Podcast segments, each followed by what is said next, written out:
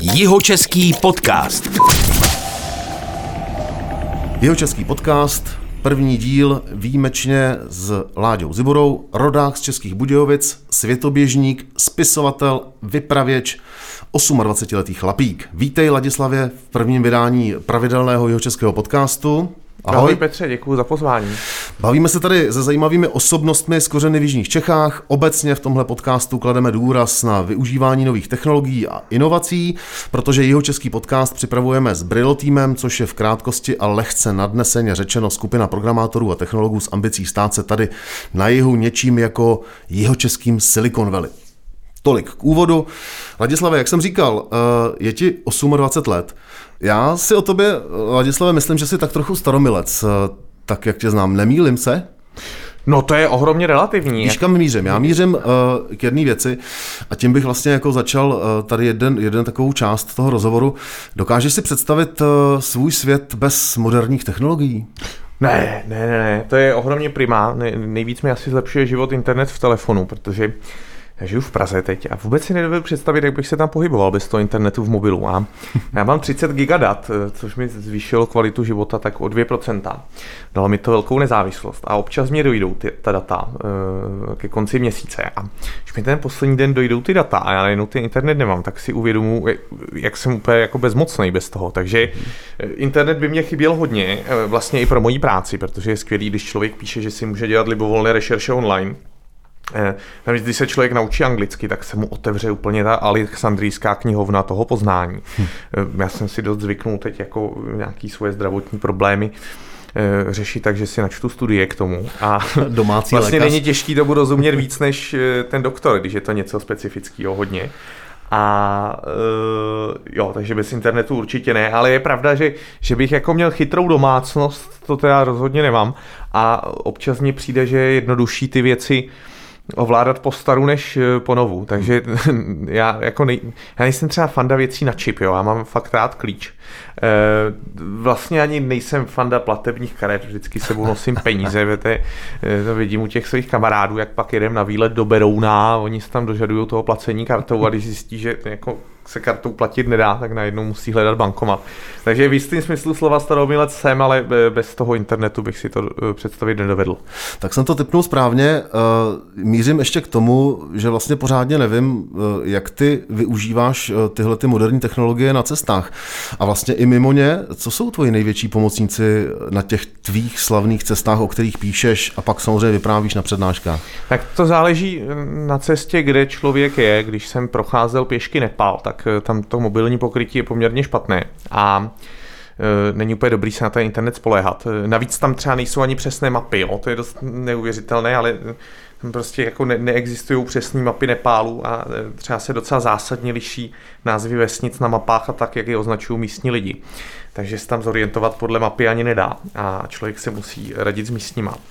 A nicméně, když jsem se teď vydával na cestu stopem po Evropě, tak to bylo úplně báječný e, mít ten e, internet, že jak ještě neexistuje roaming díky Evropské unii, tak je super, že člověk má těch svých 30 giga dát. Je ve Švédsku může si cokoliv zjistit. Takže třeba na hledání míst na stopování je to skvělý. Koukal jsem na, eh, na Google mapy, na letecký pohled, abych si vyhlídnul nějaký dobrý spoty, kde by se dalo hmm. stopovat a v reálném čase si dohledávám eh, informace a eh, je to úplně geniální, protože když člověk cestuje a zajímá se o ty země, kde je, tak je skvělý, že má prostě v reálném čase přístup k těm informacím. A hodně si, hodně si googlím a hodně mě to baví. A je pravda, že jako to, to, že mám internet v mobilu, tak přivedlo do úplně bizarních situací, kdy eh, jsem fakt byl na jako úplně odlehlých místech.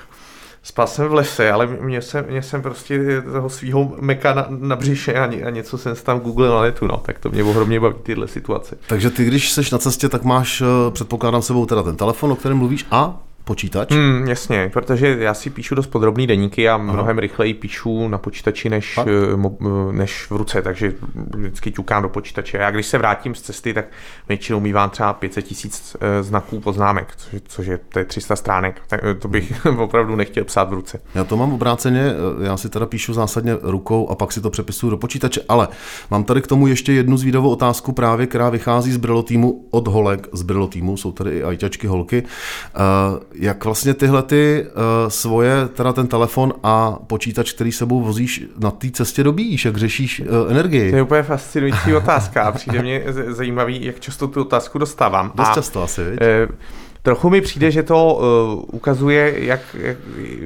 Sice jako známe ta hlavní města a máme tušení, jak vypadá krajina v těch zemích, ale vůbec nemáme ponětí o tom, jak funguje civilizace jako celek. A přítomnost elektřiny je už jako prakticky všude. Jako i ve velice zaostalých zemích, jako je Nepal, který je mezi 30 nejchudšími zeměmi světa, tak elektřina není jenom v těch opravdu, opravdu odlehlých vesnicích.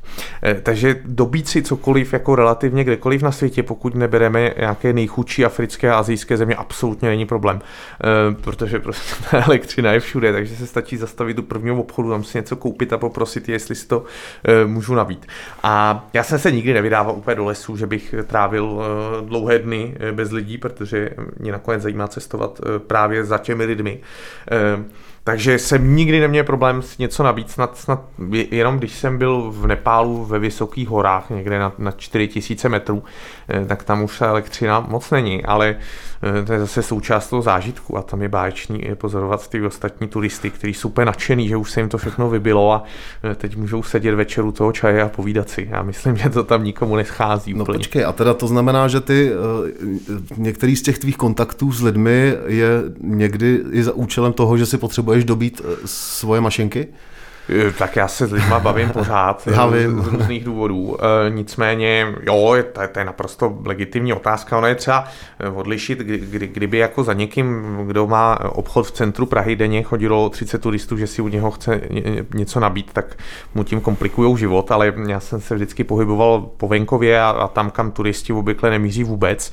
A to je pravděpodobně jako jedinkrát v životě, co se tomu majiteli toho obchodu stalo, že si od něj někdo chtěl něco nechat dobít, takže je to pro ně jenom hezký zážitek a ještě mám ve zvyku mu tam vždycky udělat nějakou útratu, abych mu to nějak kompenzoval. Hele, a když jsme u tohohle, tak ještě jednu poslední otázku na tohle téma. Ty jsi dost často jezdil stopem a já jsem, když jsem se tady s, s holkama o tom bavil, tak jsem přemýšlel nad tím, jestli si prostě, když si jezdil tím stopem, měl u sebe takovou tu zapalovačovou zástrčku na USB, a když jsi si někoho stopnul, tak jestli se ještě zeptal, můžu si tady k vám no, Samozřejmě, to, že jo, to, to byla první věc, kterou jsem si koupil, když jsem se vydával na cestu po Evropě stopem a ještě jsem řešil, jaká nabíjí nejrychleji. A když jsem stopoval v Armenii, tak jsem eh, sebou měl kazetu uh, Talking Heads, uh, že jsem ještě mohl pouštět svoji hudbu v těch sovětských autech, který nemají CDčka. A tomuhle se říká oslý můstek, protože další otázka ještě z Brillo týmu tady je, jestli posloucháš na cestách hudbu nebo mluvený slovo, jaký používáš sluchátka a a tak. No, já když jsem se ještě vydával na cesty pěšky, tak to obnáší to, že člověk často jde třeba tři nebo čtyři hodiny mezi vesnicema a není to úplně taková zábava poslouchat auta kolem něj. Že jsem vždycky hudby poslouchal hodně. A uh, jak, Vlastně já, já mám rád tu starou hudbu, já, já mám rád ty rock and roll, mám rád jazz, uh, mám rád Beatles, a mm, tak, všechno asi, čemu se říká oldies, tak je mě celkem blízký. Pak mám moc rád vážnou hudbu, ale tu je těžký poslouchat eh, v provozu, protože je velice dynamická, takže je to chvíli potichu a chvíli nahlas, mm-hmm. takže to je problematický. A sluchátka má bezdrátový kosy. Mě prima cestovat s věcma, který by mě eh, nebylo líto ztratit. Takže se, se snažím mít ty věci tak jako spotřebně a nějak si na tom nezakládám, že bych měl nějaký drahý nebo kvalitní sluchátka. Bezva, díky za tuhle odpověď. Posloucháte jeho český podcast. Já jsem Petr Meškán a naším prvním hostem je Ladislav Zibura. Jeho český podcast. Pro tebe jsou fyzické knihy, papírové knihy důležité. Dokážeš si představit, že se papírové knihy přestanou vydávat a nahradí je třeba čtečky? To Řešíš se nikdy to? nestane, to se prorokovalo už dávno, že hmm. s příchodem čteček úplně zmizí papírové knihy, ale on se ukazuje, že ty knížky mají lidi spojeno spoustu jako hezkých věcí, dobře se to půjčuje hmm. a navíc tam vyniknou ilustrace. Já všechny knížky, které se napsal, tak, tak mají krásné ilustrace v sobě. To je zase věc, která na té čtečce zanikne. Já sám čtu z čtečky moc rád, protože mi vyhovuje, že to můžu držet jenom jednou rukou a že se dobře listuje eh, a že si můžu nastavit velké písmo. Hmm. Takže mě jako čtečka přijde jako prima východisko. Ale knížky nikdy nezmizí. V současnosti eh, trh elektronických knih tvoří eh, méně než 4% celkového trhu. Jo. Což souvisí mm-hmm. taky teda s pirátstvím pochopitelně, ale myslím si, že to je jako hodně vzdálená budoucnost, než, než knihy zmizí. A, a vlastně knižnímu trhu se daří celkem dobře. Česko nebo Češi jsou velice silným čtenářským národem. Průměrný Čech přečte ročně 13 knih. Hmm. Fakt neuvěřitelné číslo a hm, tři z nich si dokonce i koupí. To je srovnatelný s pivem možná. to je... že tolik, kolik přečte průměrný Čech knih, tolik možná vypije litrů piv, i když to je možná málo ještě. Je fakt, že i v tom pivu jsme eh, světovou špičkou. Taky jsme, máme nejhustší síť knihoven na světě. Na 2000 Čechů připadá jedna knihovna a krásných knihoven. To vím zase já ze své zkušenosti redaktora kulturní redakce České televize, kdy jsem eh, dělal několikrát eh, vyhlášení nejhezčí knihovny roku a viděl jsem teda skutečně krásné knihovny. Eh, to je jenom odbočka. Druhá důležitá forma tvojí prezentace a taky biznesu jsou přednášky. V dnešní době je to s nimi vzhledem k těm různým opatřením epidemiologickým celkem špatný. Přemýšlel se někdy nad jinou formou přednášek? Vím třeba, že v hudebním showbiznesu, ke kterému mám blízko, se zkouší různé online koncerty, ale ve výsledku všichni víme, že to vlastně není ono. No, rozdíl mezi koncertem a přednáškou je, že koncert má předem dané noty, aspoň předpokládám. Eh, a přednáška úplně ne. Eh, ta, a víš, tam je to já jsem si myslel, že, že jo. No, já dost improvizuju, mě to baví. Aha. Eh, pochopitelně mám nějaké věci, které říkám vždycky, ale baví mě interagovat s tím publikem, ale to je podobný asi na tom koncertě, že jo. Eh, nicméně já jsem dělal jednu na Slovensku, protože je zajímavé, že v Bratislavě je zvykem, když ta akce se ruší, tak jako plnohodnotnou náhradu nabídnout odkaz na online přenos a e, není to ono, no, jako koukáš do, kamery prostě a uh, vidíš tam jenom toho otráveného kameramana, který se moc nesměje a vůbec nevíš, jestli je to dobrý, jo. A, a prostě nevidíš ty lidi na druhém konci. Takže já si nechám ty přednášky na dobu, kdy to zase půjde zažívat eh, s publikem. A eh, nám naštěstí, my jsme teď docela dost pracovali posledních pár let, takže eh, nepotřebujeme to jako z existenčních důvodů ty mm. přednášky dělat, tak jsme si říkali, že taky necháme prostor lidem, kteří jsou na tom třeba aktuálně závislejší. Mm. Takže touhle cestou se vydat nechystám.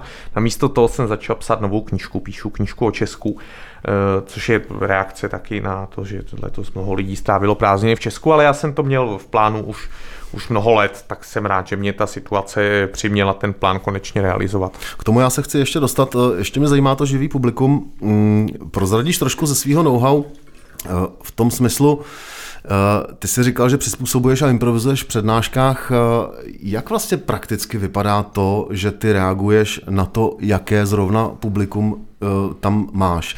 Je to, že máš nějaký povědomí o tom, eh, že seš v Českých Budějovicích, nebo že seš v Přerově, nebo že seš v Ostravě, nebo je to kombinace toho, že víš tohle a zároveň už tam byl a zároveň ještě ty lidi nějakým způsobem reagují na nějaký fóry a ty víš, že když ti prostě tohle to zafunguje, tak můžeš pustit něco dalšího.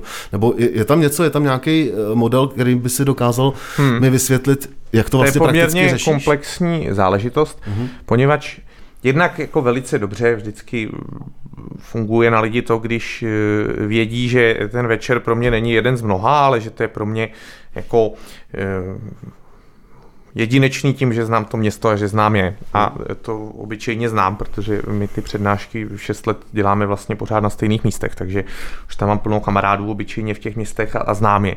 A tak vždycky jako dávám najevu tomu publiku, že, že to jejich město znám, používám nějaký regionální tam narážky, který, který fungují. Odkazuju na nějaký reálie z toho města. A zároveň přizpůsobuju uh, skladbu toho, co vyprávím tomu, jestli jsem ve městě nebo jestli jsem uh, na menším městě. Jako v Praze je v pohodě dělat vtipy o kafy, ale v Hodoníně by je nikdo nepochopil, protože tam ještě ani nemají kavárnu, která by dělala kafe tak, jak se dělá v Praze. A taky koukám na tu věkovou skladbu toho publika. Eh, znovu, když třeba vystupu v Hradci Králové, kde bývá hodně vysokoškoláků, tak si můžu dovolit vtipy, které reflektují něco, co je jako aktuálně eh, trendy na sítích. Zatímco, eh, když jsem v typicky třeba v Opavě, kde, kde není vysoká škola, no je tam, je tam vysoká škola, ale možná je menší. Každopádně tady je spíš starší publikum, tak zase jako dělám ty narážky na něco jiného. Jo. E, a taky si to jako oťuknu nějakým drzejším vtipem vždycky a vidím, že když se lidi smáli tomuhle, tak si můžu dovolit jít jako o, o krok dál ještě. Hmm. Takže já mám nějaký repertoár toho, že bych to dokázal udělat tu přednášku třeba na, na, na čtyři hodiny a vždycky vyberu dvě hodiny toho, co mám pocit, že se zrovna hodí pro to dané publikum. A, a to najednou jako nejde přes ten internet a uh, jako je to hrozný vyprávět dvě hodiny v kuse vtipy, kterým se nikdo nesměje, protože jsi v té místnosti sám. to je asi noční můra trochu. Mě teda, to je jenom odbočka, nebo respektive to je jenom glosa možná k tomu. Eh, docela překvapilo, že jsem viděl tvoje dvě přednášky, vlastně tu první, eh, co si kdy připravil tady v Budějovicích a ty, ty si říkal, nebo říkal mi tvůj manažer, že vlastně to byly eh, čtyři stejné přednášky a všechny byly vyprodané a na všech bylo 600 lidí v českých Budějovicích, což mě úplně dostalo, protože jsem si říkal, tady přece jako tolik, tolik lidí přijde vlastně na jednu a tu samou přednášku. A taky jsem tam odposlech jako v tom publiku, že pak říkali, no tak to už jsme slyšeli, ale pořád to bylo vlastně dobrý, že ty dokážeš ty lidi jako, pos, pos, jako poslat znovu na tu přednášku, kterou už tady si jednou jim odprezentoval, oni na ní rádi přijdou, i když vědí, že samozřejmě uslyší zhruba to samý, ale stejně se dobře baví a čtyřikrát vlastně vyprodat velký sál, to mě teda se stejnou přednáškou docela fascinovalo. Teď já čekám na ten no, otazník. No, otaz, ona tam totiž nejde otazník. No. Já chci jenom říct, že tohle je vlastně moje zkušenost s tou možná částečně tvojí jako reakcí na publikum a improvizací, že to vlastně dobře funguje v tom smyslu, že ty lidi jsou vždycky spokojení. To jsou kamarádi mých rodičů vždycky v Budějovicích. Já mám oba rodiče učitele, učitele vždycky zná hodně lidí. To ne, tak taky. je to pochopitelně vyrostcem tady a e, ty, ty okruhy v Budějovicích jsou poměrně široké, takže asi na mě procentuálně v Budějovicích chodí víc lidí než jinde a jsem tomu rád. Metropole je mimochodem prima sál. A ono je zajímavé, že uh, Obecně lidi jako docela neradí uh, objevují nové věci. Uh, konce mezi kapelami se říká takový vtip, že pro úspěch na české hudební scéně stačí dělat to dlouho.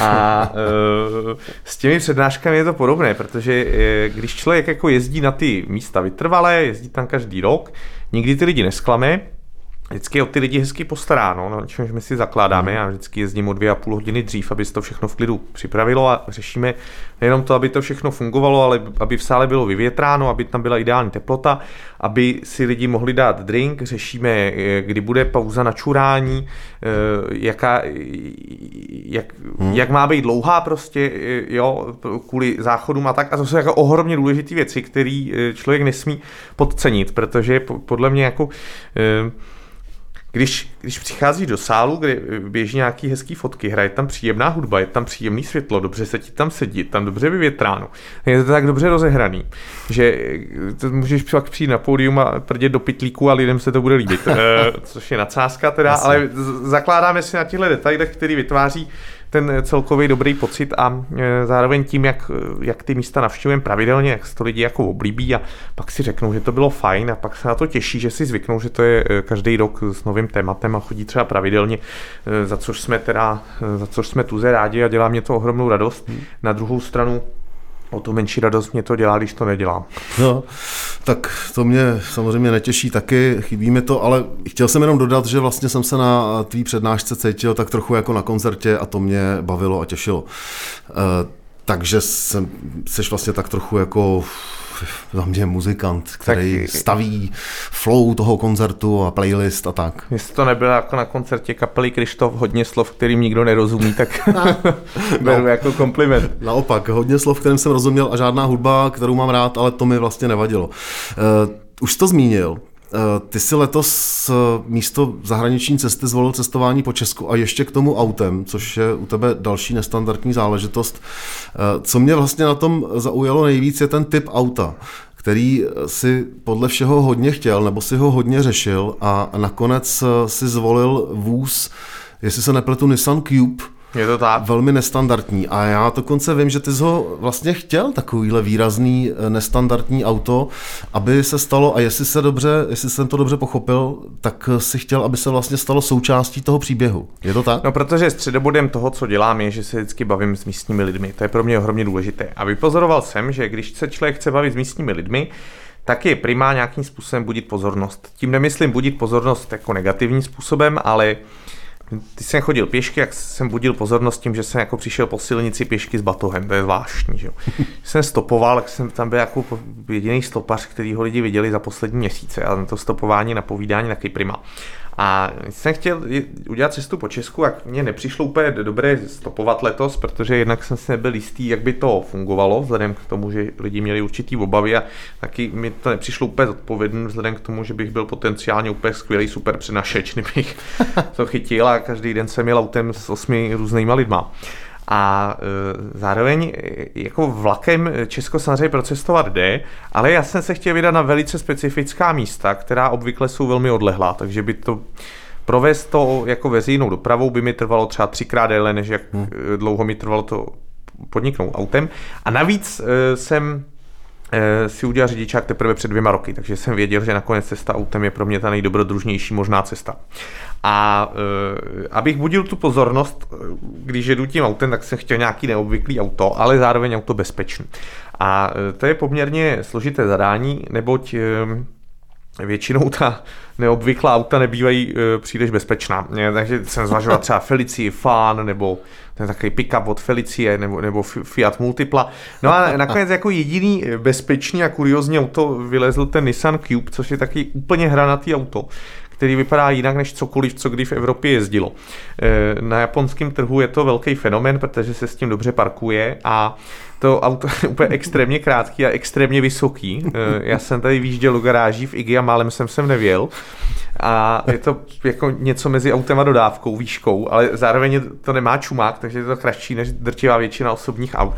A Eh, v Evropě jich jezdí jenom 6 tisíc kusů dohromady, což je jako neuvěřitelně málo. To auto je vzácnější než, než Ferrari nebo Bentley.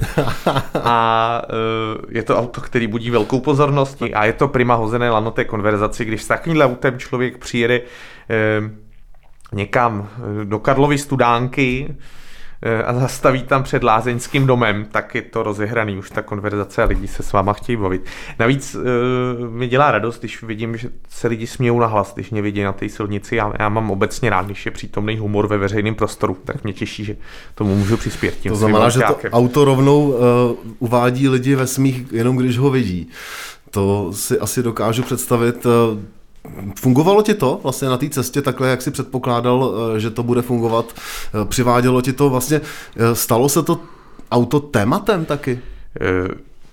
Občas, jo, hmm. jo, jako je to, bylo to, bylo to fajn a zároveň mě překvapilo a potěšilo. Já jsem se trošku obával, že to nebude tak jednoduchý, ta konverzace v Česku jako v zahraničí, protože přece jenom, že člověk cizinec, tak jsou k němu lidi obvykle takový jako chápavější v tom smyslu, že se na něco ptá a bál jsem se, jestli jako vlastně nebudou Češi otrávený, že se jich vyptávám. Eh, ale já bych to zkrátil, tak to bylo přesně naopak. Eh, v létě mají všichni dobrou náladu u nás a hmm.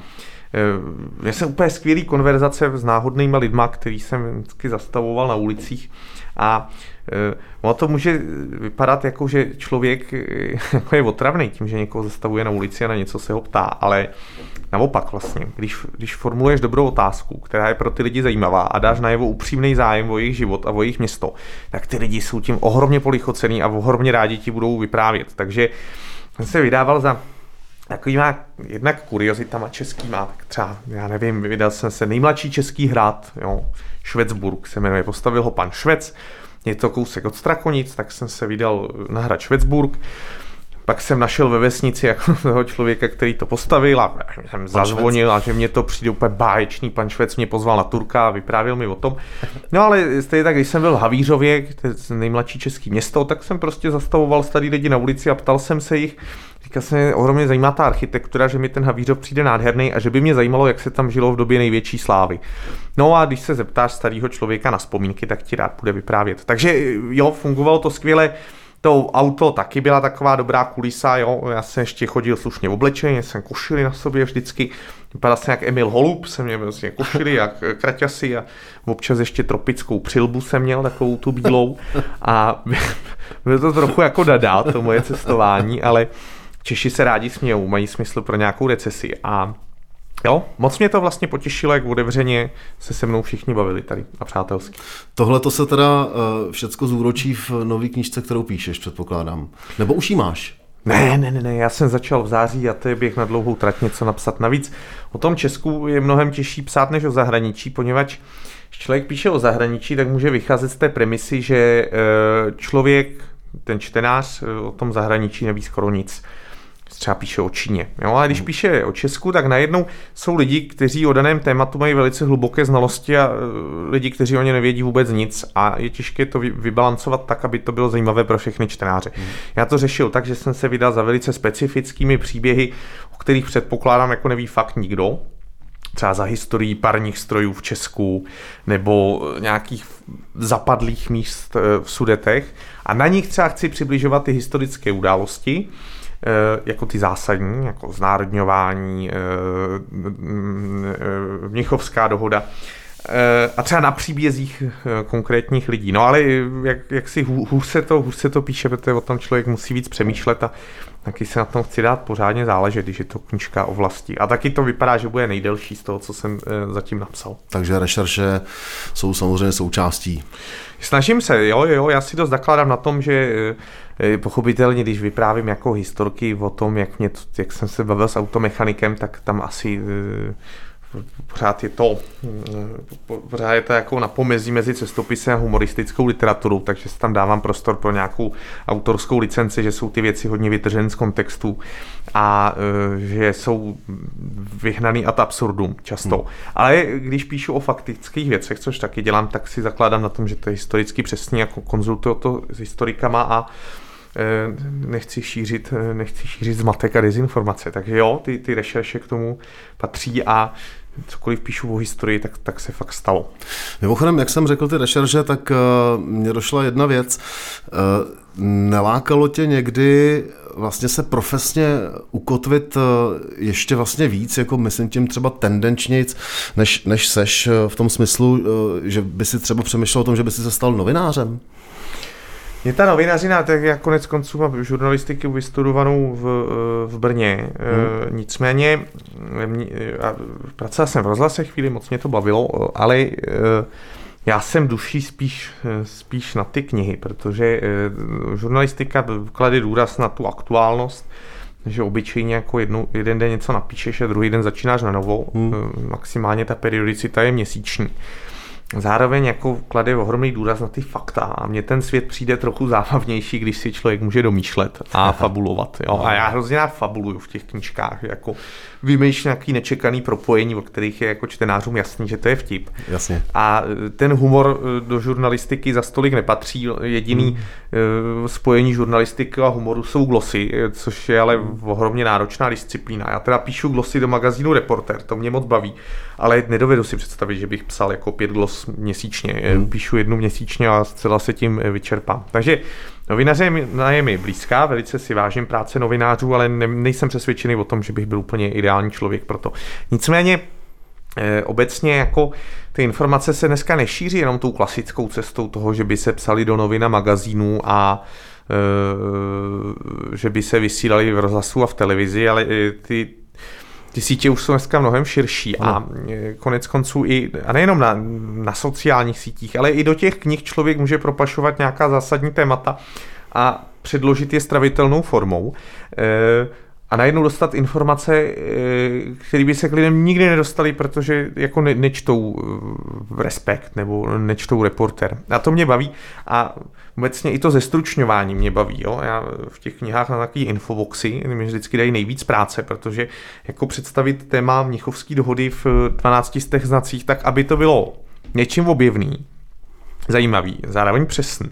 To je super, protože, nebo super, je to jako těžký, ale věřím, že to je jako výborná věc, když se ti to povede, protože jako myslím si, že je spousta věcí, o kterých lidi neví nic A když si otevřou ten článek na Wikipedii, tak má 10 stránek a oni se tím nechtějí prodírat. Takže historicky přesně aspoň trochu komplexním způsobem a zároveň stručně podaný informace, to je věc, která mě baví a která nakonec máte i novinářině blízko a kterou taky dělám v knížkách. No. Jihočeský podcast. Mm, mně se líbí, že vlastně se o tobě dá říct, že jsi cestovatel a dobrodruh. A to přízvisko dobrodruh, to se mi vždycky hodně líbilo, už od malička. Eh, jak hodně ty chodíš těm dobrodružstvím naproti? Myslím tím, jestli ti ty dobrodružné situace na tvých cestách ale v tom životě přicházejí sami, anebo jim trochu pomáháš eh, třeba tím, eh, jak vlastně na ty, k těm lidem přistupuješ s lehkou jako drzostí, nebo hmm. že vlastně tu cestu uděláš stopem, anebo třeba, jak jsme se bavili o tom, že jedeš autem.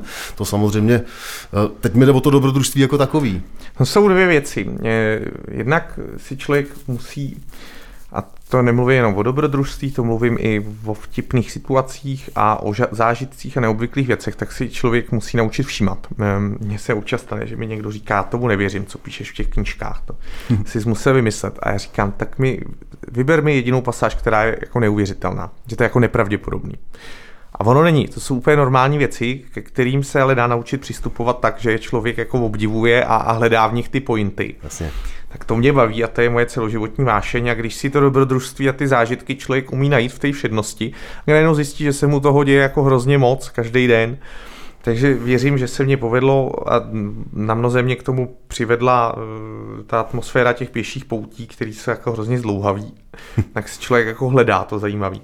No a eh, druhá věc je, že se jako nestydím, zbytečně se nebojím a jdu tomu dobrodružství naproti. Abych dal příklad, tak třeba jsem byl na Šumavě a zajímal mě příběh krále Šumavy, toho Josefa Hasila, který hmm. převáděl za socialismu přes hranice lidí a zároveň byl agentem západních služeb spravodajských. Eh, a Král Šumavy. Král Šumavy a tak jsem si říkal, no tak jaký to asi bylo, když tam ten hasil převáděl ty lidi. A vlastně mě nikdy nešlo do hlavy, proč jako někdo musel někoho převádět tři kilometry přes čáru. Jo?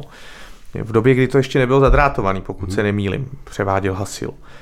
To a je to tak, ne? Jo, jo, že tam ještě nebyly dráty. Hmm. Tak jsem si hmm. říkal, tak tři kilometry lesem.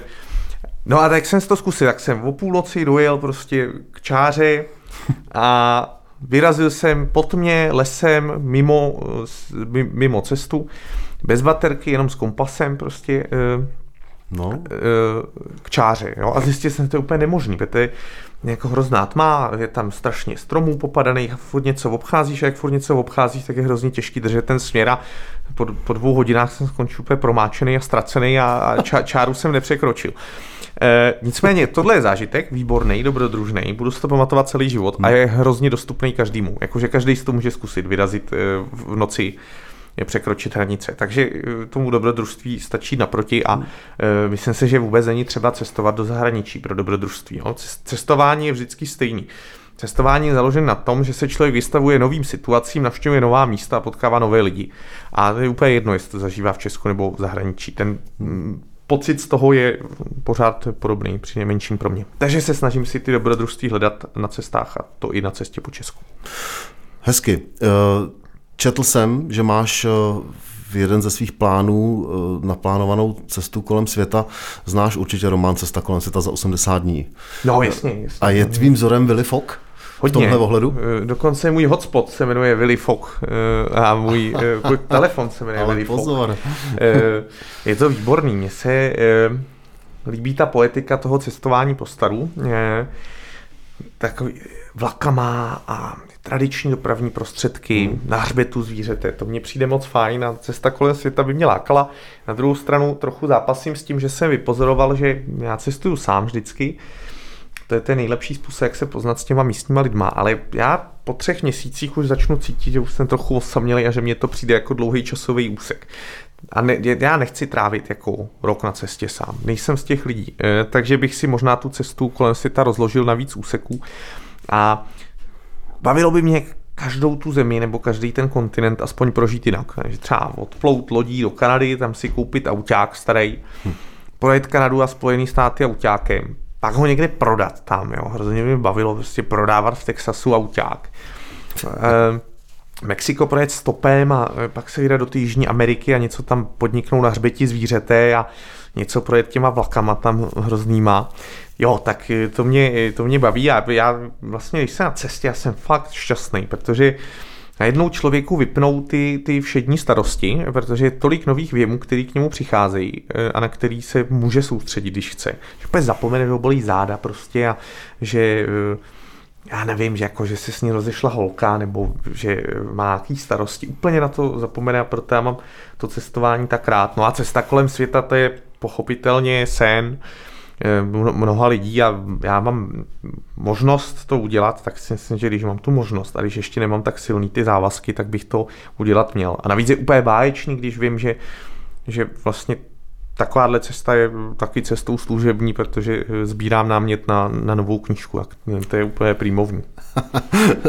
to zřek pěkně. Tohle je jeho český podcast eh, s naším hostem Ladislavem Ziburou, který je jeho Čechem a jeden a poslední vlastně téma, eh, na který se tě chci zeptat, je tvůj vztah k Jižním Čechám. Základní rychlá otázka. Teď žiješ v Praze. Vrátil by si se zpátky do Jižních Čech za určitých předpokladů? Když nepostavíte akvapark, tak se vrátím. No, Jižní Čechy. To je ohromně specifická oblast. Já jsem jako hrdým jeho Čechem, mám to rád, pozoruju na sobě nějaký uh, typický rysy jeho český. Do na to se tě chci zeptat, mám tady poslední otázku. Co vlastně na sobě pozoruješ jako typický jeho český rys nebo jeho české vlastnosti? No do dneška je to pro mě hrozně velký ta Praha, jak chci obdělávat pole někde, že jo, vyrost jsem v nej, nejméně hustě zalidněném kraji v Česku. To je nejmenší hustotu zalidnění máme, jo, ze všech krajů. Ano. Eh, ty rybníky a ty, ty lesy. Já si pamatuju, když nás přijela navštívit jedna Japonka, kamarádka mého bratra, tak my jsme jí udělali krásný pětidenní program a pro ní největší zážitek z celého programu byla cesta z letiště do Českých Budějovic, kdy vůbec nedokázala pochopit, že tu máme volný prostor, kde jako nic není. Říká, proč, proč tu nic není, když tu nejsou hory a mohla bys tu stavět? A to se říkalo, protože tu prostě není tolik lidí a ona z toho byla úplně unešená, takže to, to mám rád a e, ty Jižní Čechy jsou neuvěřitelně malebný a když jsem dělal tu cestu po Česku, jak jsem na jihu strávil jako nejvíc eh, času z celé cesty a je to eh, báječný, jo, ty naše vesnice jsou úplně eh, krásné a Jo, mám, mám k tomu velký vztah. Taky je specifikum, že lidi z Jižních Čech se moc nestěhují a když hmm. už se přestěhují, tak se výdají. A specificky lidi z Českých Budějovic mají tu pověst těch lidí, kteří se vždycky znají. Jo, jo, že, že ty lidi z Budějovic, co žijou v Praze, se znají, ty lidi prostě z Budějovic, co žijou v Brně, se taky znají a už se to ví i mezi lidma z Jižních Čech, že ty Budějovičáci jsou vždycky jako i gang a to, to mě baví a to mám rád. Chybí mi třeba ta komunita. Jo. Hmm.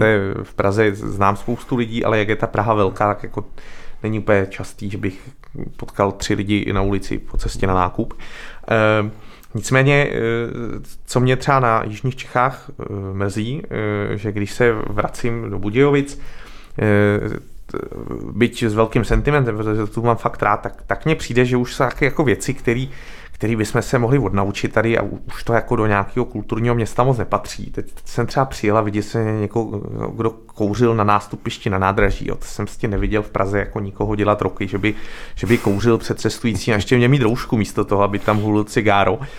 Nebo když jdu krajinskou v noci, a e, jo, a vidím tam ty lidi, jak prostě křičí nějaký úplně šílený věci, e, nebo se kamarádím s tím člověkem, co má stánek s kebabem v Krajinské a občas tam slyším ty rasistický keci, které na něj lidi mají, tak to mně přijde takový nadbytečný a, a možná by mě to trochu přebývalo, kdybych se do Budějovic vrátil. Ale dovedu si představit, že to jednou udělám, protože Budějovice možná jsou člověku trochu malý, dokud nemá rodinu, ale jakmile má děti, tak si myslím, ty Budějovice jsou úplně skvělý východisko, protože je to bezpečné město, je tu hodně zeleně, je to kousek do přírody a do nádherné přírody hmm. všude kolem.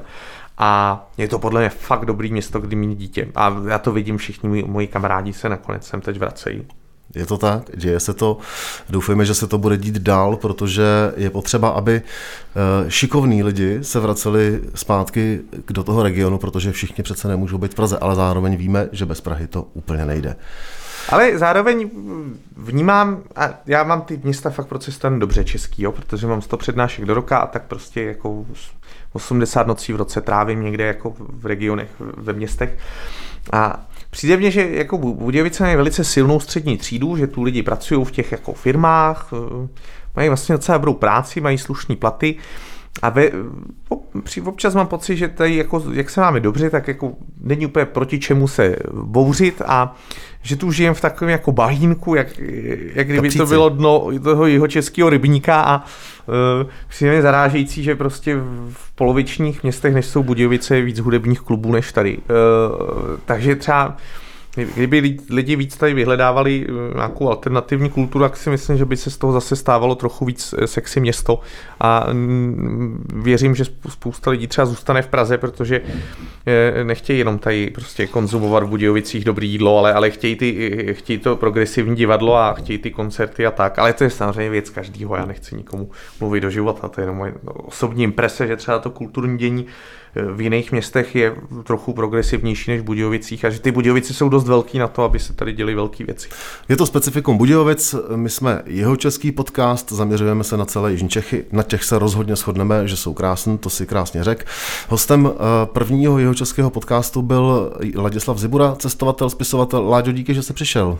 Já moc děkuji za pozvání a eh, přeju podcastu, ať se mu, eh, ať se mu daří. A vždycky, vždycky jsem se všude chlubil tím, že jsem jeho Čech po republice. Je to zajímavé, že za to, že vlastně nejsou žádný stereotypy o jeho Češích. Když řekne, že jsi z Jižních Čech, tak lidi řeknou, jo, to je primát, tam jsem byl na dovolený a bylo to krásné. Není to jako když řekneš, já jsem z Ostravy a teď už jede pásmo vtipů. Tak. No letos to skoro vypadalo, že Jižní Čechy jsou nový Chorvatsko, protože všichni jezdili v létě samozřejmě do Jižních Čech, ze severu a z Prahy samozřejmě, protože je to tady pěkný. Nejoblíbenější destinace pro dovolenou Jižní Čechy z ano. Česka, podle uh, ankety Mladý fronty dnes, uh, pět let starý. A já jsem uh, žil dlouho v Praze, 15 let a v Praze jsem vždycky říkal, že jsem jeho Čech, teď říkám, že jsem jeho český Pražák nebo pražský jeho Čech.